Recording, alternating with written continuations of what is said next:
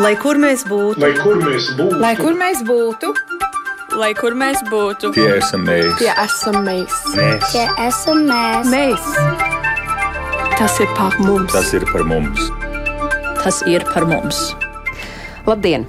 Pārcelšanās no valsts uz valsti, no vietas uz vietu ir izaicinājums vecākiem, un, protams, tas ir izaicinājums un pārbaudījums arī bērniem. Un šodien raidījumā Globālais Latvijas 21. gadsimts mēs skaidrosim, kādi varētu būt tie iemesli, kāpēc uh, viena trešdaļa no tiem, kuri ir remigrējuši, pēc kāda laika atkal dodas prom no Latvijas, kā šo procesu varbūt apturēt, lai negribētos aizbraukt, ja tu esi atbraucis atpakaļ mājās Latvijā, un kā šo procesu varētu ietekmēt uh, fakts, ka ir iecerēta psiholoģiskā rokas grāmata bērniem un vecākiem, jo līdz šim par šo atbraukšanas, aizbraukšanas tematiku runājot, īpaši skatoties un fokusējoties uz ģimenēm ar bērniem un skatoties uz tām praktiskajām lietām, emocionālais un psiholoģiskais fons nostrādā ārkārtīgi spēcīgi, un kā es te um, reizēm mēdzu teikt, tā, tā, tās emocijas, tā tāda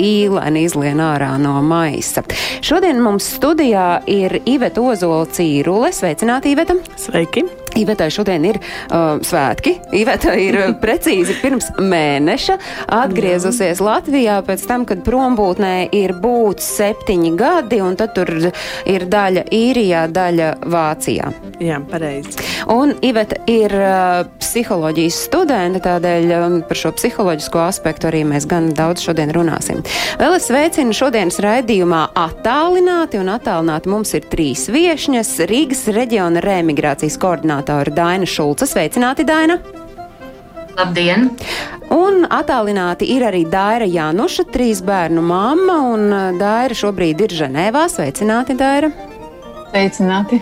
Un Rāsa Upmala ir Siguldiete, kura šobrīd ar ģimeni uh, no decembra, bet uz laiku dzīvo Latvijā. Sveicināti, Rāsa!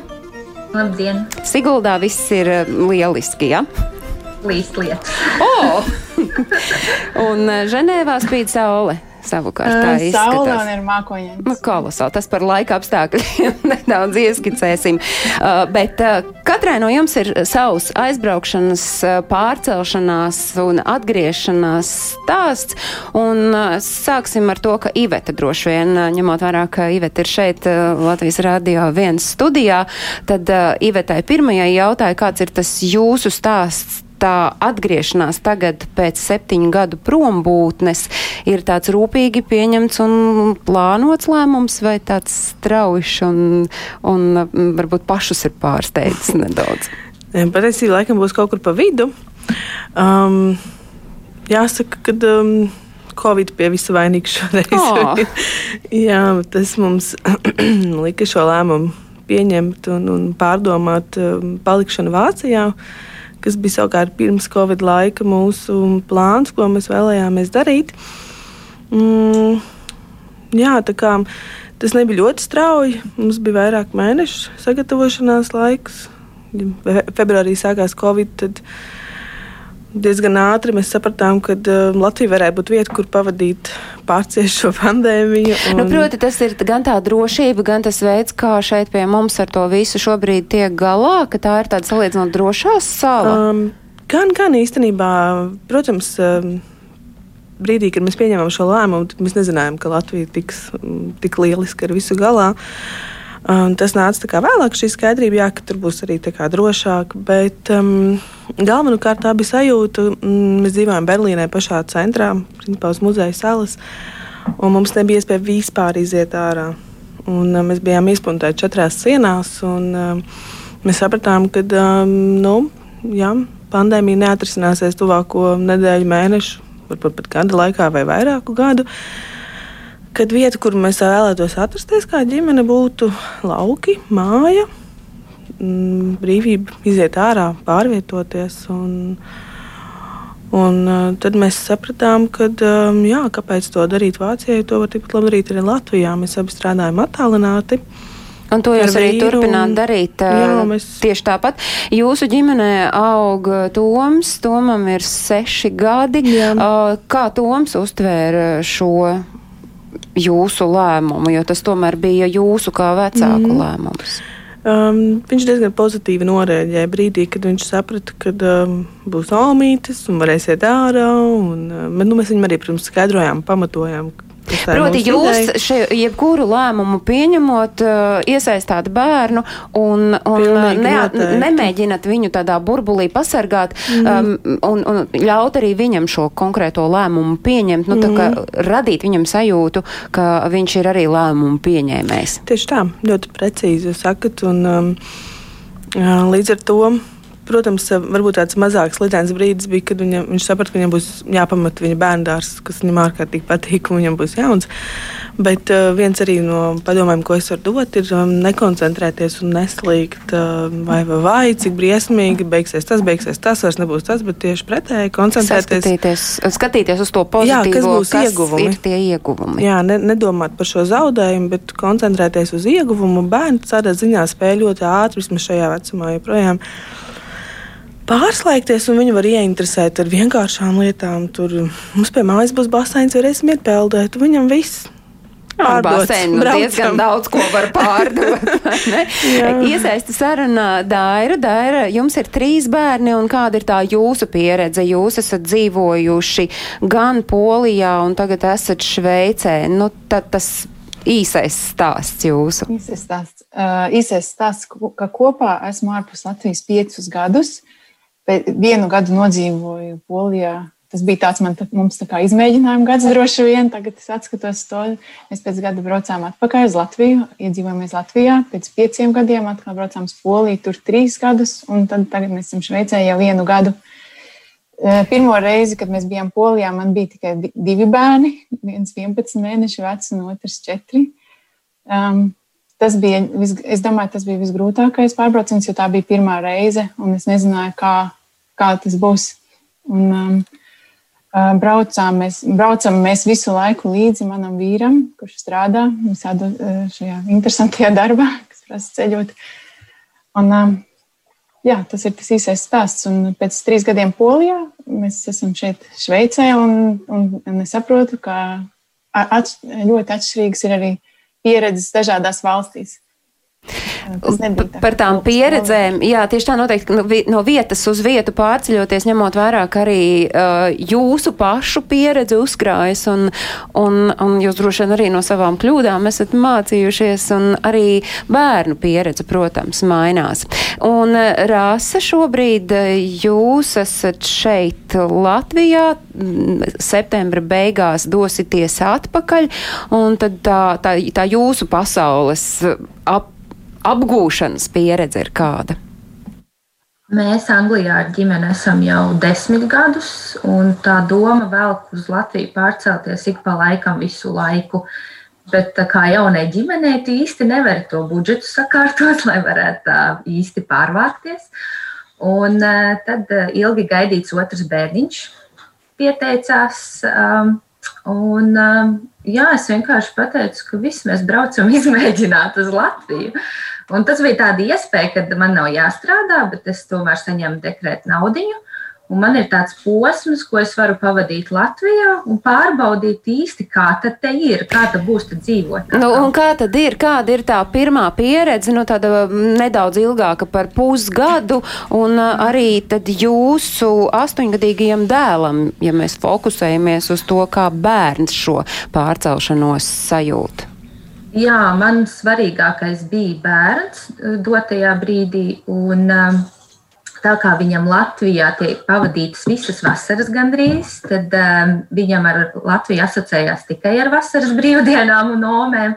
Tad uh, viņam vispār nebija nekādi jautājumi divreiz, kāpēc, ko, jā, es braucu, man patīk un viss ir forši. Jā, un skoliņa bija ļoti pretīm nākoša, un mums ir ļoti, ļoti viegla un, es teikšu, viegla un patīkama pieredze saistībā ar to visu. Bet tajā ceļā mājup, nu ceļā uz Latviju, kas bija tie jūsu atbalsta punkti, kas jūs arī tīri emocionāli balstīja un ļāva šo lēmumu pieņemt? Tie ir tie tuvie cilvēki, tuvinieki, vai meklējāt vēl arī ārpus savu tuvo cilvēku loka kādu atbalsta personu? Mums ģimenē ir dažādi viedokļi, bet pats lielākais atbalsts bija mana māsa, jo viņa jau gaida mūs atpakaļ ilgi. Un viņa man arī palīdzēja ļoti sakārtot tās skoliņas ar ieteikumiem, ko darīt, un vienkārši nebaidīties iet un darīt un prasīt, un tas viss automātiski kaut kā salikās pa vietām. Un arī meklēju informāciju dažādos interneta saitos, vietnēs, informācijās, ko reemigrācijas dienesti popularizē, eh, lai mēs ejam, meklējam informāciju, sazinamies ar reģiona tiem um, atbildīgajiem, kas kā, var sniegt informāciju, bet es gan saskāros ar ļoti ilgu atbildi. Viņi mani pārsūtīja uz Rīgas reģionu, un tad es nevarēju sagaidīt nekādas īstas atbildes. Un, un tad es tam īsti atmetu atmetu ar roku. Ziemā, rudenī gatavojoties, darīju visu pati, un tad pavasarī viņi man kaut kad izdomāja atbildēt, nu, ko jums vēl tā kā palīdzēt. Jā, tā kaut kā. Mēs arī sarunā, sarunā iesaistām Dainu Šulcu Rīgas reģiona reemigrācijas koordinātori. Jūs gan esat tikai kopš februāra šajā amatā, un arī pašai jums ir tā pieredze, ko nozīmē mainīt uh, dzīves vietu no vienas valsts uz citu. Un tad uh, jūs varbūt no savu skatu punktu varat pateikt, kā jums šķiet, nu, kā, kā mainās nu, tās problemātikas vai tas, par ko ir īpaši jāpiedomā ja pārceļas cilvēks, kurš ir brīvs kā putns debesīs, vai jauns pāris, kuram vēl nav bērnu, vai tomēr pārceļas un atgriežas ģimene? Nu, patiesībā ir tā, ka katrs gadījums ir ļoti, ļoti individuāls. Jo tas ir stāsts par cilvēku dzīvēm un viņu iepriekšējām pieredzēm, un tie jautājumi ir visdažādākie ar visdažādākajām nu, pagrieziena punktiem, kas nu katram ir aktuāls. Bet nenoliedzami tās centrālie jautājumi, par ko cilvēki prasa un vēlas uzzināt, tās pārsvarā ir jaunas ģimenes, un viņus interesē eh, bērnu iekārtošana bērnu dārzā, bērnu iekārtošana skolā, darba jautājumi un mājokļu jautājumi. Un tas ir saprotams, jo tās ir tās pamatlietas, eh, kuras ir nepieciešamas, lai normāli atkal no jauna uzsāktu dzīvi. Un skatoties uz tām norisēm, uh, uz to, kāda varbūt ir tā Rīgas reģiona statistika vai, vai tendencija, mums ir jāskatās uz tiem, kuri atgriežas un tad paliek un, un iesakņojas šeit atpakaļ Latvijā, vai tomēr uh, ir, ir tādi, kuri, nu, tad jau sākotnēji jūs jaušat, tas būs tā kā uz puskāju Latvijā, un ja vien būs kāda izdevība vai iespēja, tad uh, dosies uz kādu citu mītnes zemi? Nu, par kopīgām tendencēm runājot, ir tā, ka kopš uh, strādā šī remigrācijas koordinātora programma, uz Rīgas reģionu vai nu izrādījuši interesi, vai ir jau atgriezušies, vai tagad notiek aktīva saziņa, ir uh, vairāk nekā 800 cilvēkiem, 800 vienībām. Ja? Uh, Es varu runāt tikai par šo, šī gada statistiku. Es pati esmu no februāra, mm, darbojos ar šiem jautājumiem, un uz Rīgu ar koordinātoru palīdzību ir atgriezušies uz Rīgas reģionu. Ir atgriezušies 127 cilvēki, ieskaitot bērnus. Un tas skaits ir arī tik liels, arī tāpēc, ka atgriežas ģimenes ar diviem, trim bērniem. Runājot par to, šo raidījumu pamatēm, ko jūs minējāt, kad atgriežas un brauc atpakaļ, es varu runāt tikai par savu personīgo pieredzi manā darbā. Man ir bijuši, man nav bijis neviens cilvēks, ar kuru es esmu strādājusi, kurš ir atgriezies, un kurš pēc tam man ir paziņojis, ka tomēr kaut kas nav sanācis un, un, un brauc atpakaļ. Bet man ir bijuši arī teiksim, no agrākās statistikas vai kā, ja es nemaldos, tikai kādi divi gadījumi, kad um, nu, ir saņemta tāda ziņa. Bet es nevarētu teikt, ka tā ir kaut kāda ļoti raksturīga tendence. Un, ja, tā, ja ir tāda statistika, ka viena trešdaļa atkal brauc atpakaļ, tad, uh, kas attiecas nu, uz, man, uz mūsu Rīgas reģionu pašreizējo koordinātoru darbību, tādu tendenci es neesmu novērojusi. Bet es saku, es par to, ar ko ar tiem, sakarā ar tiem cilvēkiem, kas griežas pie manis. kopīgie remigrācijas dati jau ir pilsonības un migrācijas lietu pārvaldes kompetence. Nu, tieši tā, iespējams, ka no tām kļūdām mācās. Es tā kaut kā savā prātā domāju, kāpēc nu, tā tendence varbūt mazinās, atbraukt, pamēģināt un braukt prom. Vai tas varētu būt tāpēc, ka vienkārši nu, tas atgriešanās brīdis vai pārcelšanās brīdis eh, ir, ir vecāki gan prātīgi pie, piegājuši tam. Nu, kā jūs, Īveta, sakāt, jūs iesaistījāt bērnu arī tajā lēmuma pieņemšanā? Um, tātad par šo vienu trešdaļu. Um, neviens īstenībā nav veicis pētījumus, kas ir um, iemesls, kādēļ viņi brauc projām. Uh, šis skaitlis izskanēja um, tad, kad Latvijas Universitātē pētījuma centrs. Um, Diasporas pētījumu prezentējot. Jā, jā. Pēdējo prezentējot pētījumu, un uh, viņiem bija šādi dati. Neatceros šos precīzi vairs to, mm, tos gadsimtus, man liekas, no 14. līdz 18. gadam. Vai 19. Vai 19. Jā, bija, kad um, parādījās šī viena trešdaļa. Um, Runājot ar skolotājiem un vecākiem, uh, viens no iemesliem, intuitīvi, kurš parādās, ir um, tieši bērni. Ir iemesls, kas neiedzīvojas. Gads ir aptuveni tas laiks, kad vecāki atmeta roku un saprot, ka nebūs un brauc projām. Um, Bet, jā, kā jau minēju, nav to neviens īsti pētījis, un tas nav zināms. Bet, uh, protams, runājot arī ar citām ģimenēm, nu, tomēr uzpeld šī te, sajūta, kad, kad uh, nebija pietiekoši sagatavojušies, jā, kad uh, izpalikam. Nu, lai kaut gan atkal no otras puses skatoties, cik gan precīzi var sagatavoties šim procesam. Ir lietas, ko nevar paredzēt, un ar to ir jārēķinās, ka būs pārāk daudz neparedzamā arī. Uh, Nu, Bet... Es domāju, ka šeit mēs varam uzreiz Dārai jautāt. Dārai ir gana pamatīga pieredze ar to, ko nozīmē no vienas vietas pārcelties uz citu. Nu, kā, kas ir tā, tā jūsu pieredze, kas ir jums palīdzējis ļaut saviem bērniem veiksmīgi iejusties svešā vidē un arī pašiem? Uh, Nu, mēs īpaši neiesaistījām, visticamāk, bērnus eh, lēmumu pieņemšanas procesā. Mēs, viņas, eh, mēs ar viņiem runājām ļoti daudz, ka mēs pārvāksimies gan uz Poliju, gan atpakaļ uz Latviju, gan atkal uz Poliju un Šveici. Um, tas, ko, uh, tas, ko es tā saprotu, ja tu esi nolēmis palikt, tad tu, var, tad tu visticamāk darīsi visu, lai paliktu. Un tu tā kā domā, ka tu dari, nu, to darīsi. Uh, Un um, viens gads, manuprāt, ir ļoti mazs laiks. Tas nav pietiekami. Ja man vēl vienreiz būtu jāmaina valsts tikai uz vienu gadu, tad uh, tas ir tas viss grūtums, viss grūtums, ko mēs piedzīvojam, tas tajā pirmajā gadā. Mēs iemācāmies iepirkties, mēs iemācāmies ieliet benzīnu. Svešā valstī ir viss pilnīgi savādāk.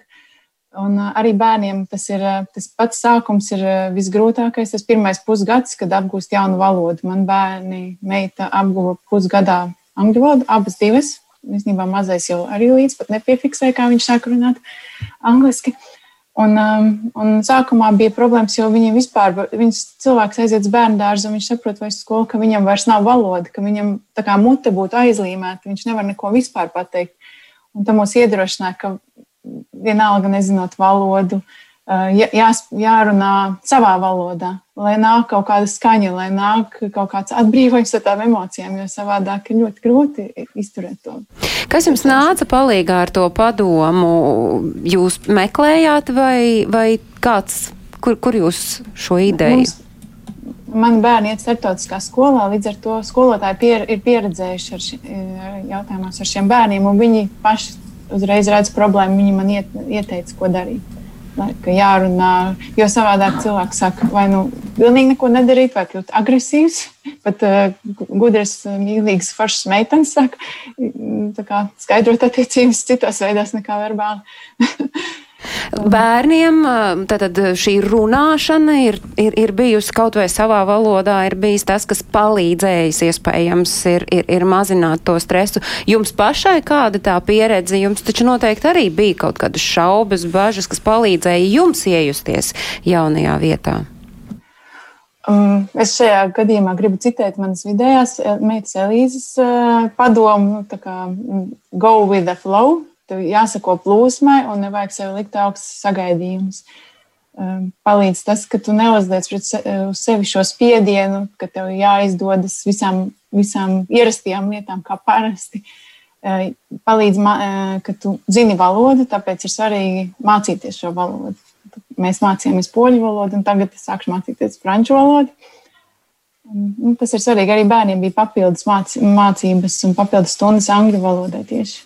Bet, nu, labāk iesties. Bet nu, noteikti jums bija bāžas kaut kādas nebūt un, un, un tāds satraukums par to, kā tas būs. Jo skaidrs, ka nu, no reizes uz reizi jūs iegūstat to pārliecību un zināt. Un jūs arī pati teicāt, ka tā pirmā reize bija visgrūtākā. Tad kas tai pirmajā reizē vēl bez valodas mācīšanās, apgūšanas jums palīdzēja, nu nezinu, neiesakņoties, bet nu iejusties šajā jaunajā vietā? Man palīdzēja drauga atrašana skoliņā, manas eh, meitas drauga mamma. Es viņu satiku pēc pusgada tādas vientulības un pilnības, pilnīgas izolācijas tajā svešajā valodā, svešajā vidē, polijā. Un te, no tā brīža man dzīve sāka palikt vieglāka. Un, un tad es sapratu, un viņi man arī iedeva padomu, ka jābūt aktīvam jāmeklē aktīvi tas, kas tev patīk darīt. Jādara to, kas tev patīk, jādzied, jāzīmē, jāiet uz sporta klubu vai pastaigās. Nedrīkst ieslīgt tajā, tajā istabā. Jo tas Jā, ir arī tas, tas bīstamais mirklis, ko es arī tūdaļ lūkšu Īvetai, kā no psiholoģijas skatu punkta raugot nokomentēt. Tas ir arī tur, tur arī slēpjas tā bīstamība, ja tas vecāks, tā mamma vai tētis, viņi kļūs nu, bažīgi, satraukti vai nespēs iejusties, tad kā tieši tāds nepārliecināts un trausls pieaugušais var palīdzēt vēl savam bērnam, kurš iespējams pat, ja mamma nesaka, ka man vispār ir, es jūtos drāņķīgi un es nespēju šeit neko padarīt, un, un, un bērns to pat var sajust bez vārdiem. Jā, tieši tā. Līdz ar to sākumā mēs ļoti daudz laika pavadījām ar ģimeni, mēs daudz runājām, mēs baudījām visus labumus, kas ir šajā, tajā valstī. Um, un uh, viens otru centāmies atbalstīt. Un, jā, tas ir svarīgi, tā, tā, tā fokusēšanās uz ģimenes iekšienu. Jo mēs gal galā tikpat labi varam būt jebkurā valstī, jebkurā vietā. Galvenais, ka mēs esam visi kā ģimene kopā, mēs varam, varam būt mājās jo mēs esam kopā. Tātad fokus uz ģimenes iekšieni, bet noteikti arī tā āriene ir jāatceras, vai ne? Ivete, nu, te par to, ka tam vecākam ir pirmajam jāmēģina, nu, nostāties ar abām kājām un tikai mm -hmm. tāds. Uh, emocionāli noturīgs vecāks arī varēs palīdzēt savam bērnam kaut kādās trauksmes situācijās iziet sausām um, kājām. Jā, um, no psiholoģijas viedokļa uz um, pārcelšanos var skatīties no mm, tās pašas teorijas, ko pielieto par uh, sērošanas posmiem. Jo pamest valsti, kurā tu esi uzaugusi, šajā gadījumā Latviju, um, nu, tas ir zaudējums. Līdz ar to um, tā sērošanas stadijas ir, ir kaut kas, kam iet visi cauri, pārceļoties. Uh, un īstenībā arī pārceļoties atpakaļ uz Latviju, ieslēdz sakal tas pats mehānisms, jo, jo atkal kaut ko tu pazaudē zaudējums. Kaut kur citur. Jā. Un, un jāiziet šīm visām četrām stadijām cauri. Kādas ir tās četras stadijas atcaucas atmiņā? Mm, labs jautājums. Uh, tad, tad sākot no um, šī depresīvā stāvokļa, beidzot ar uh, samierināšanos, ar iedzīvošanos. Un, un, un katram cilvēkam viņas um, nu, aizņem laiku. Viņš var iestrēgt arī kādā no stadijām. Tas droši vien ir stāsts, kur cilvēks saka, neiedzīvojos. Tad, tad netika līdz ceturtajai stadijai. Un, um,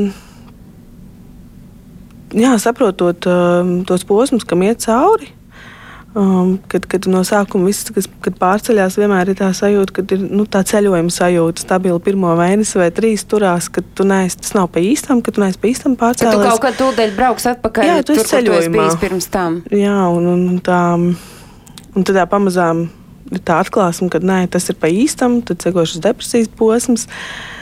Un, um, Bet nu, gala rezultātā tādā ideālajā versijā ir, ir jābūt šai samierināšanās un pieņemšanai, ka Jā. tagad ir tā, kā būs varbūt pēc laika, to neviens no mums nezina.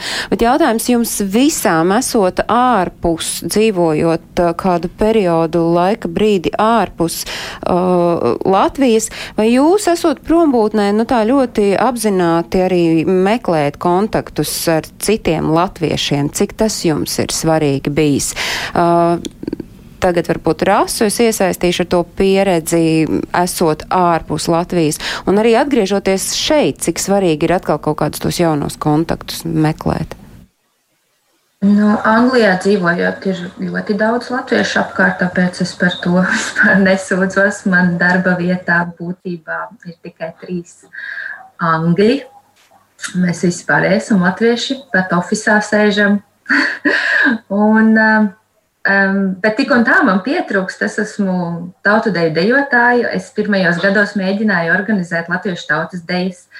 Nu, gluži neaizgāja, tur tāda mazliet tā pasivitāte lielāka. Un, uh, es laikam esmu mācīta vairāk uz disciplīnu nekā uz ballēšanos, tāpēc es neizturēju.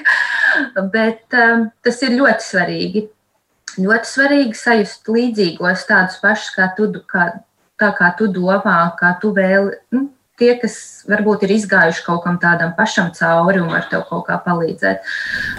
Pieredze šeit ir drīzāk, kad es ļoti pa trīs mēnešus maz lauzīju galvu par to, kā neatgriezties atpakaļ uz Angliju, jo man tik ļoti šeit gribās palikt.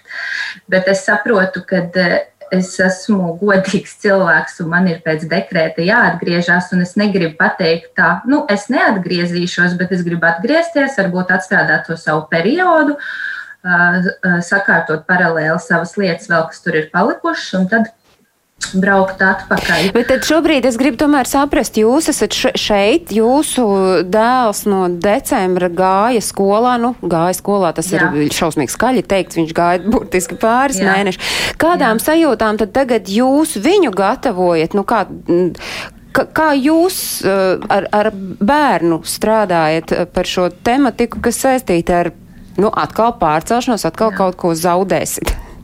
Jā, mēs ar viņu arī ļoti daudz runājam, stāstam. Šobrīd mūsu galvās ir tā doma, ka mēs tikai uz neilgu laiku atgriežamies un pēc tam brauksim atpakaļ uz Latviju. Es nezinu, kāda būs reālā situācija, bet mēs pagaidām runājam par to, ko mēs kā, ceram, ka, ka tas tā notiks. Un mēs tieši tā kā arī jau teicu, tā ir, ka mēs darīsim visu, lai tas tā arī notiktu.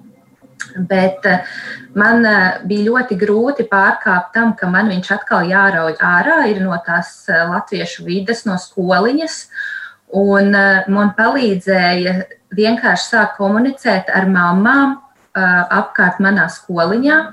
Un viņas izrādās ir pat ģimenēs divas nacionalitātes. Mums ir piemēram, teikšu, mamma Latvija un tētis no Islandes. Uh, un viņi tā dzīvo jau vairākus gadus. Viņa audzina otru bērniņu, un meitai, pirmajai meitai jau ir 19 gadi, un viņa šādā veidā starp divām valstīm ir uzaugusi.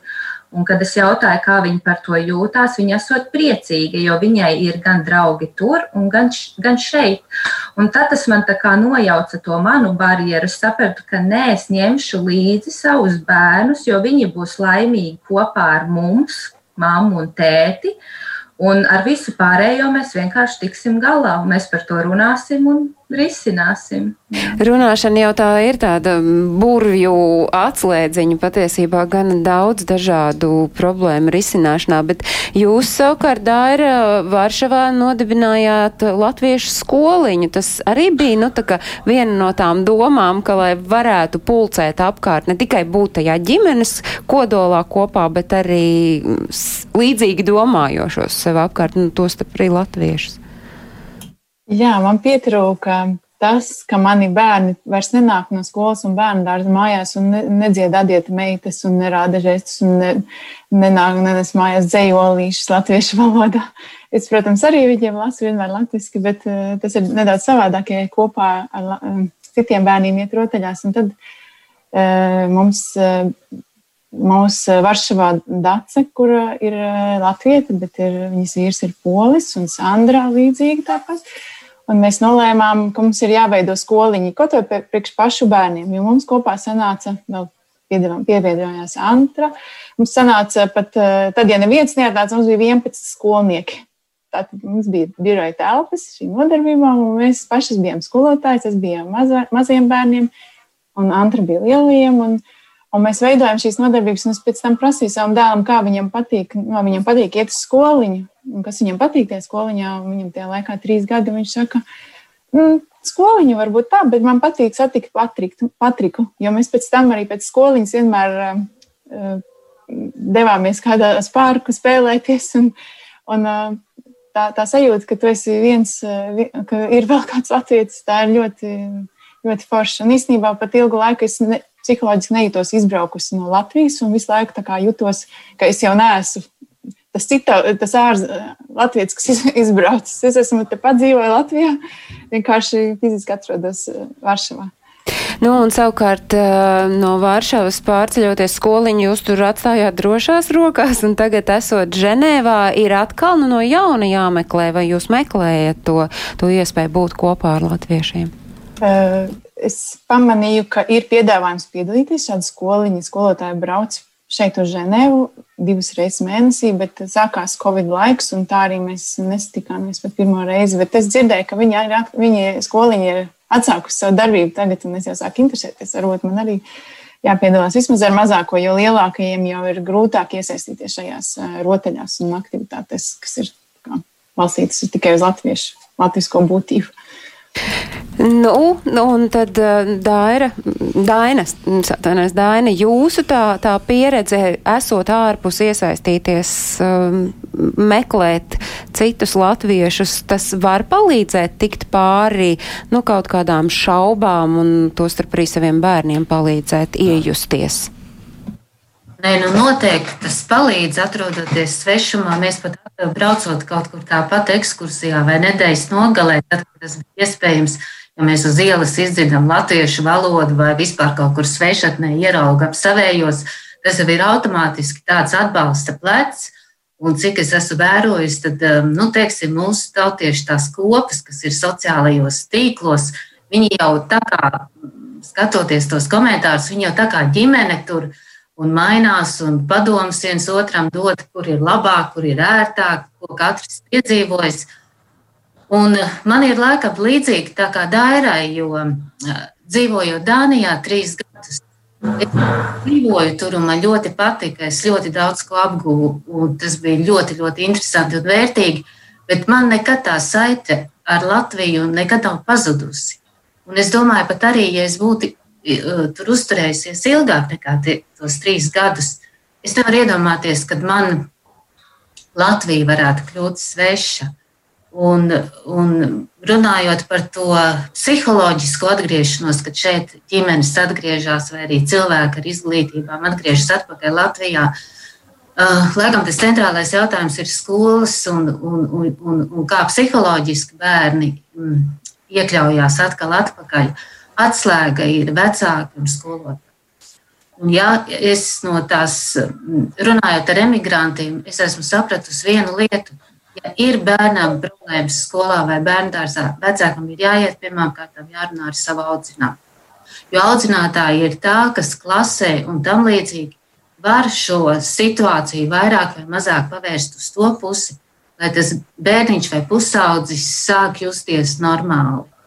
Un mm, vecākiem tomēr ir ļoti liela atbildība ģimenē, jā, jo tā kā jūs pati teicāt, ir ļoti stingri jānostājās, un ja ir izņemt, iz, tas lēmums ir izdarīts, jā, tad tu, tas ir vecāku rokās palīdzēt bērnam ļoti lielā mērā.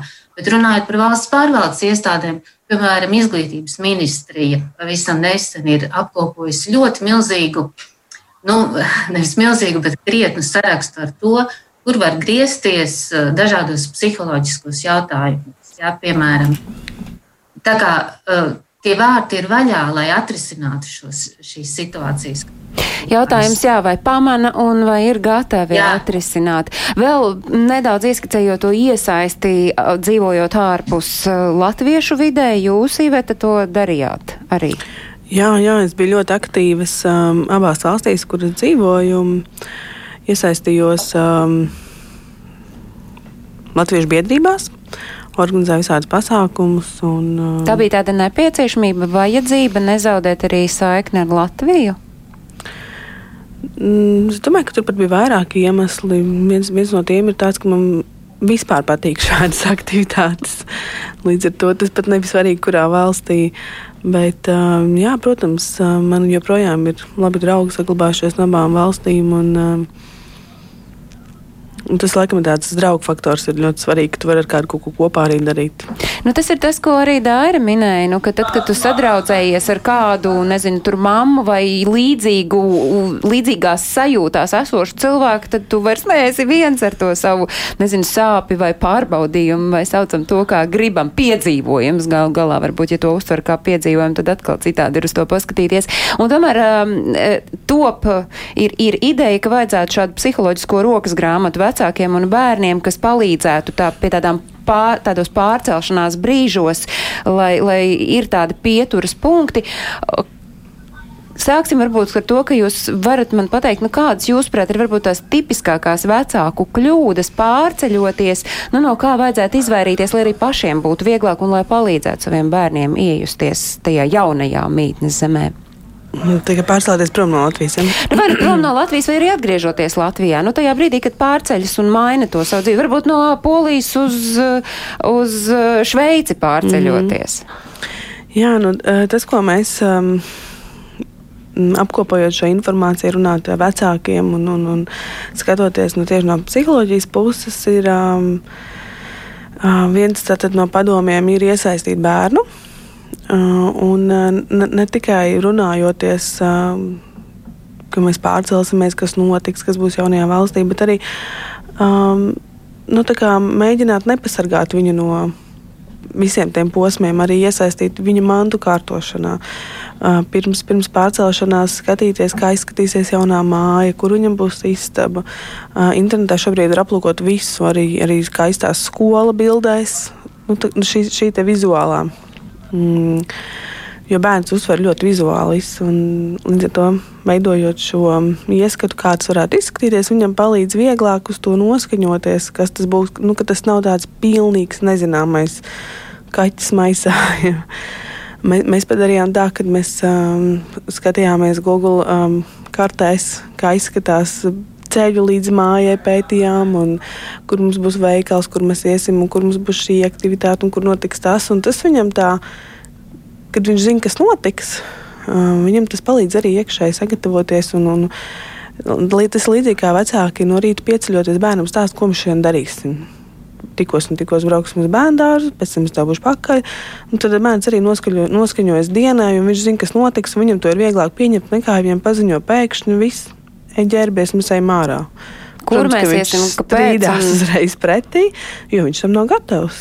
Bet vai atšķiras tas, kā vecākiem rīkoties situācijā, kad mēs runājam par 5 vai 6 gadus vecu bērnu, vai kad mēs runājam jau par patsmitnieku, kuram ja vēl piedevām attīstām visu to tālāk, tas patsmitnieks vispār nekad tādā, ja mēs runājam par Latviju, viņš nekad tādā Latvijā nav dzīvojis. Un, un te droši vien būs krietnāk jāpiestrādā. Nu, tā, protams, kā jau arī Dāna teica, tas situācija no situācijas, protams, atšķiras, mm. bet nu, tā.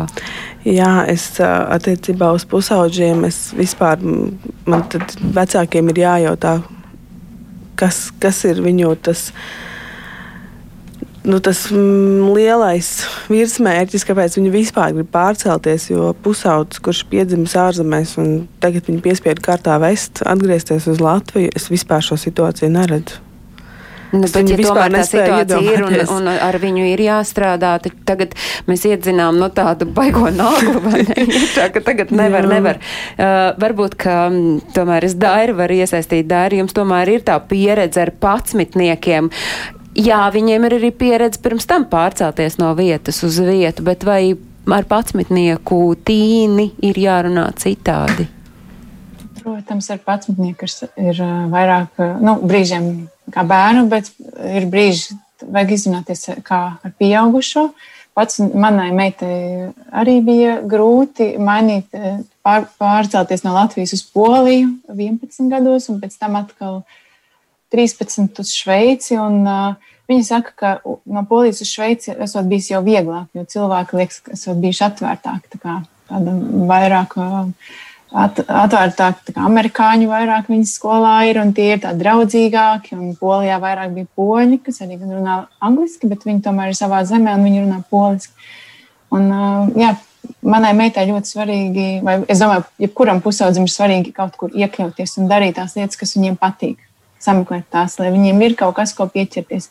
Un ļoti svarīgi, manuprāt, ir nelikt spiedienu uz tiem rezultātiem. Jo mums gribas, lai bērns tiek augsts, labās skolās pēc tam, bet tajā pirmajā posmā viņam ir galvenais vienkārši izdzīvot to dienu un tā diena pēc dienas. Un, Es zinu, ka citas, skatos, mācos no citām mamām, kuras arī daudz ceļo. Viņas pat ļoti aktīvi iesaistās, organizē ballītes, aicina draugus ciemos, lai tikai tie bērni sajiet kopā pie pusauģa un viņiem veidoties kaut kāda saikne. Un skola izdarīja ļoti labi, jo viņi pirms sākuma uzaicināja visus bērnus uz ekskursiju. Un mēs visi kopā izgājām un parādījām, kur viss ir. Tas uzreiz tiem bērniem dod tādu labu sajūtu. Beigās vēl iedodas konflikti un vispār. Gana daudz tādu piemēru mums ir šī redzījuma laikā bijis, ko mēs varam katrs droši vien likt aiz auss, bet ja mēs runājam par šo psiholoģisko rokas grāmatu vecākiem un bērniem, tā ir vēl tādā tapšanas stadijā. Jā, jo nu, grāmatu nav iespējams uzrakstīt. No, no zila gaisa vai, vai, vai balstoties tikai uz mūsu personisko pieredzi, tad mums norisinās pētījums. Mm, pēc kura mēs varēsim tā skaidrāk runāt par, par visām lietām. Un, um, um, arī šīs intervijas ar ģimenēm, lai, lai saprastu, uh, nu, lai, ne, lai nebūtu tāda minēšana, ir, ir tā vai šitā, lai mums būtu skaidrs, kā tad ir patiesībā, kas ir šīs pieredzes, līdzīgi kā mēs šodien dzirdam. Uh, Um, cik ļoti atšķirās uh, arī, arī ne tikai no ģimenes uz ģimeni, bet arī um, uz kādu valsti pārceļās. Nu, jā, kādā un... sabiedrībā mēs nonākam, cik tā sabiedrība jā, ir atvērta. Tas... tas, protams, arī ir ārkārtīgi svarīgi, mm. jo par to mm. mēs arī šeit raidījumā Globālais Latvijas 21. gadsimts esam runājuši, vienam skatoties uz, uz vecajiem trindiniekiem, kuri saka, ka mm. savulaik Amerikā iejusties ir vienkārši bijis vienkāršāk par vienkārši, jo tur ir šī multikulturālā vide un tas, ka tu esi latvietis un citādāks nekā pārējie, mm. tāpat ir tev tev tāda pievienotā vērtība, kamēr, piemēram, nezinu, tur Zviedrijā uzreiz jau tev ir jāmēģina tomēr, nezinu, asimilēties vai kā citādi. Katrā ziņā mēs šai sarunai nepieliekam punktu un šais šādām sarunām nekad, man liekas, par nevar pielikt punktu. Mēs pieliekam daudz punkti. Būsit izpētījuši, sāks, sāks grāmata ritēt uz mm. priekšu un būs ceļā pie saviem lasītājiem, tad mēs noteikti, es domāju, tiksimies šādā vai citādā sastāvā. Noteikti atkal es saku paldies Rīgas reģiona reemigrācijas koordinātorai Dainai Šulcei, Dairai Janušai, trīs bērnu mammai no Ženēvas un Rasai Upmalai Siguldietei, kura šobrīd ar ģimeni dzīvo Latvijā, un mēs gaidām Rāsi jūs atkal atpakaļ, tad, kad jūs būsit visus darbus sakārtojuši. Es saku paldies arī studijas viešņai Ivetai Ozolē Cīrulei, psiholoģijas studentei. Paldies arī Ivetas sešgadīgiem dēlam Domam, kuru tikai tagad pēdējās minūtēs varēja redzēt tie, kur skatījās klausījās raidījumu tiešraidi. Es atgādinu, ka visus ārpus Latvijas dzīvojošajiem latviešiem svarīgos notikumus jūs varat meklēt portālā latvieši.com. Tur varat skatīties arī mūsu raidījumu, tieši tāpat kā mūsu raidījumu var skatīties gan Latvijas radio viens mājaslapā, gan arī radio YouTube kontā. Un, protams, tādu klasisko radio versiju jūs varat klausīties atkārtojumā katru svētdienu, un mēs skanām uzreiz pēc ziņām trijos dienām. Lai visiem ir jauka šī darba nedēļa un tiekamies jau pēc nedēļas. Até.